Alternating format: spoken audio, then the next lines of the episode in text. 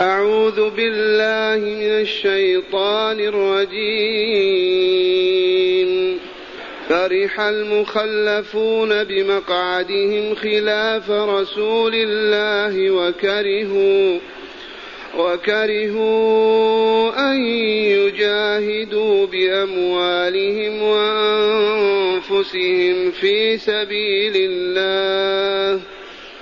وكرهوا أن يجاهدوا بأموالهم وأنفسهم في سبيل الله وقالوا وقالوا لا تنفروا في الحر قل نار جهنم أشد حرا لو كانوا يفقهون فليضحكوا قليلا وليبكوا كثيرا. فليضحكوا قليلا وليبكوا كثيرا جزاء بما كانوا يكسبون. فإن رجعك الله إلى طائفة منهم فاستأذنوك للخروج فقل لن تخرجوا فقل لن تخرجوا معي أبدا ولن تقاتلوا معي عدوا. إنكم رضيتم بالقعود أول مرة فاقعدوا فاقعدوا مع الخالفين. معاشر المستمعين والمستمعات من المؤمنين والمؤمنات. قول ربنا جل ذكره فرح المخلفون بمقعدهم خلاف رسول الله. الآية أذكركم بأن هذه الصورة المسماة بالتوبة مسماة أيضا بالفاضحة. فهي تفضح المنافقين وتزيل الستار عنهم ليظهروا على حقيقتهم. والمنافقون هم الذين يبطنون الكفر في قلوبهم ويتظاهرون بالإسلام بألسنتهم وبعض جوارحهم. المنافق الذي يضمر الكفر أي تكذيب الله ورسوله ونكران البعث الآخر والجزاء فيه والتكذيب بأن القرآن كلام الله ووحيه. هؤلاء المنافقون هم الذين تتحدث عنهم هذه الآيات. نسأل الله أن لا نكون منهم. وهذه مظاهر عجيبة في القرآن تفضحهم غاية الفضح وتكشف الستار عنهم ليسلم منهم من يسلم وقد أسلم منهم من أسلم. قال تعالى مخبرا عنهم فرح المخلفون بمقعدهم خلاف رسول الله. متى تم هذا؟ إنه تم في غزوة بلاد الروم.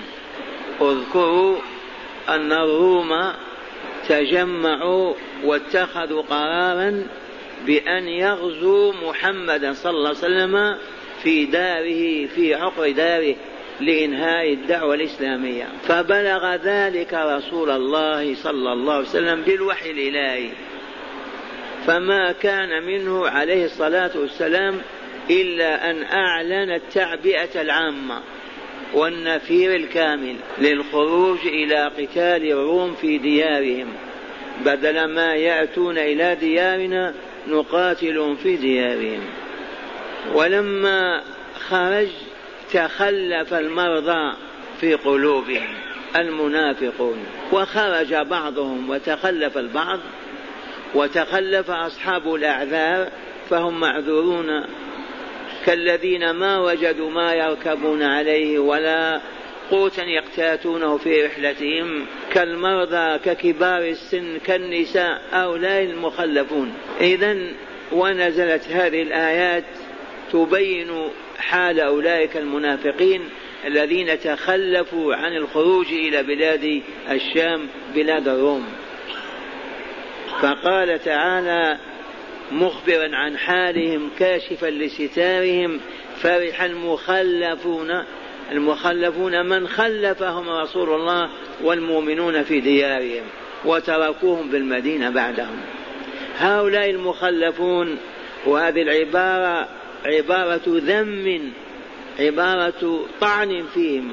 مخلف خلفوه لا يصلح. وفي حكم أيضا ومعنى آخر أن الذين ليسوا بصادقين في إيمانهم لا يحسن أن يخرجوا للجهاد. قد يفسدوا حال المجاهدين. فرح المخلفون بمقعدهم أي بقعودهم عن الخروج إلى تبوك خلاف رسول الله أي خلف رسول الله صلى الله عليه وسلم وكرهوا في قلوبهم وبألسنتهم أعلنوا عن كراهتهم كرهوا أن يجاهدوا بأموالهم وأنفسهم في سبيل الله. المؤمنون الصادقون ما يكرهون الجهاد بل يطلبونه بل يتنافسون في الإنفاق فيه بل يخرجون قبل القائد ويسبقونه. ولكن المنافقين أي الكافرين المرضى في قلوبهم فرحوا بالتخلف وكرهوا الخروج في سبيل الله. وكرهوا أن يجاهدوا بأموالهم وأنفسهم في سبيل الله وقالوا لا تنفروا في الحرب. أي قالوا لبعضهم البعض في مجالسهم الخاصة في بيوت بعضهم البعض قالوا لا تنفروا في الحرب. لا تخرجوا مع محمد في هذا الحرب وكان ذلك آخر أيام الصيف وشدة الحر قالوا لا تنفروا في الحرب. والنفور خروج للتعبئة العامة والجهاد العام. لا تنفروا في الحرب. فقال تعالى لرسوله قل لهم قل نار جهنم أشد حرا لو كانوا يفقهون. أنتم تخافون من الحر. ما قيمة حر الدنيا هذه بالنسبة إلى حر جهنم؟ لو كانوا يفقهون ما قالوا هذه الكلمة؟ لأن دعوتهم إلى القعود وخذلان الرسول ورجاله ويتخلف بلادهم ذي هي موجبة الحر الشديد أي الخلود في نار جهنم. ولا قيمة لحر شهر أوت مثلا أو السنبلة. ولكن لا يفقهون لا بصيرة لهم ولا وعي ولا فهم. فضلا عن الفقه كيف يفقهون ويعرفون خصائص الأشياء وأسرارها. لجهلهم قالوا هذه الكلمة المنتنة. لا تنفروا في الحر معناه لو كان ما في حر نخرج معه لكن مع شدة الحر ما نخرج. قل لهم يا رسولنا نار جهنم أشد حرا. إي والله لو كانوا يفقهون لعرفوا كيف ينجون من عذاب النار. بإيمانهم وطاعة رسولهم والمشي وراءه والقتال معه. لا أن يعملوا على التخلف بالأعذار الباطلة والأكاذيب المرة ويبقون بعد رسول الله وهم يتمنون أن يموت رسول الله وأن يقتل. والذين خرجوا ما خرجوا ودبروا المكيد لقتله إلا أن الله عز وجل نجاه وسلمه منهم. وهذا شأن مرضى القلوب. هذا شأن من لا يؤمن بالله ولقائه. هذا شأن من لا يؤمن بالله وكتابه ورسوله. هذا شأن الكفر والكافرين في كل زمان ومكان. قل لهم يا رسولنا لا تنفر قل لهم يا رسولنا نار جهنم أشد حرا لو كانوا يفقهون.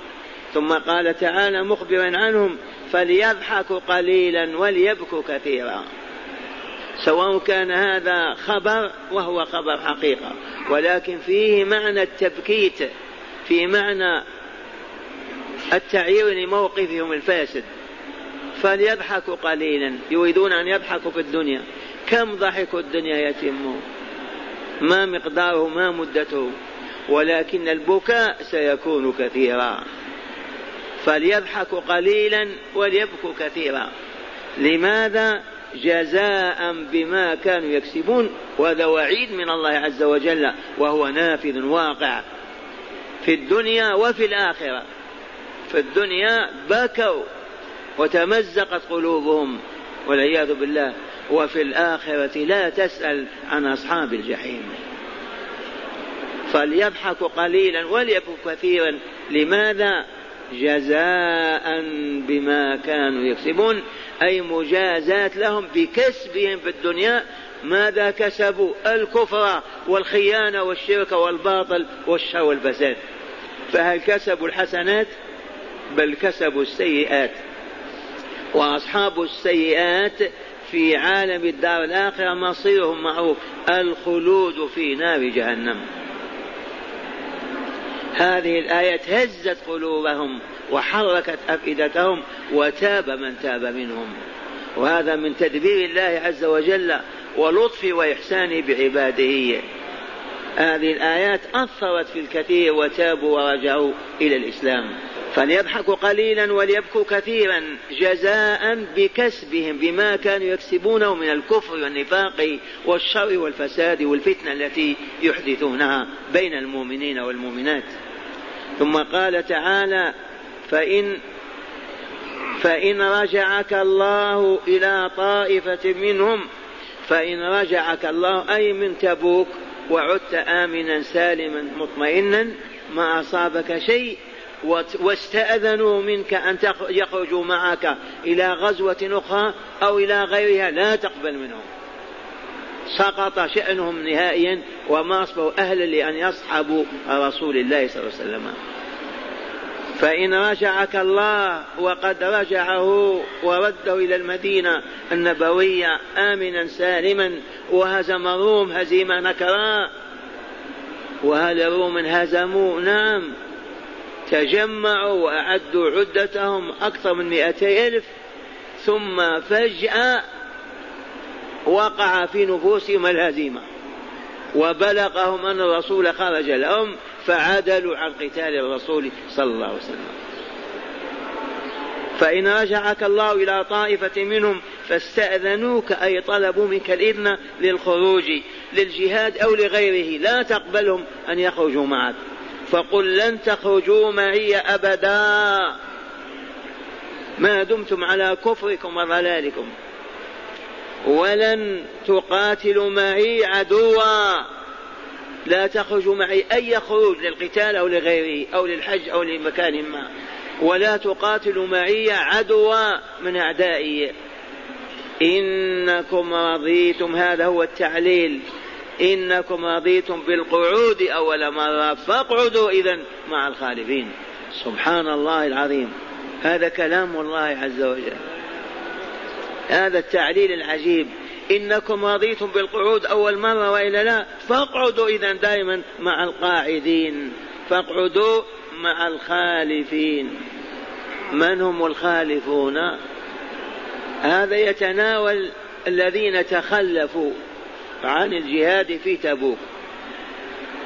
وهذا التخلف كما قدمنا منهم من هو معذور عنه وفيه. والعذر سببه العجز والضعف النساء الأطفال. الثلاثة الذين تخلفوا من خيرة الأصحاب رضوان الله عليهم. فقوله تعالى مع الخالفين يشمل الكل من بقي في المدينة. لكن ليس كل من بقي من المخالفين للجهاد مع رسول الله ولكن للعجز الذي نالهم. هكذا أعيد تلاوة الآيات وتأملوها. فرح المخلفون بمقعدهم خلاف رسول الله يا للأسف. وكرهوا أن يجاهدوا بأموالهم وأنفسهم في سبيل الله.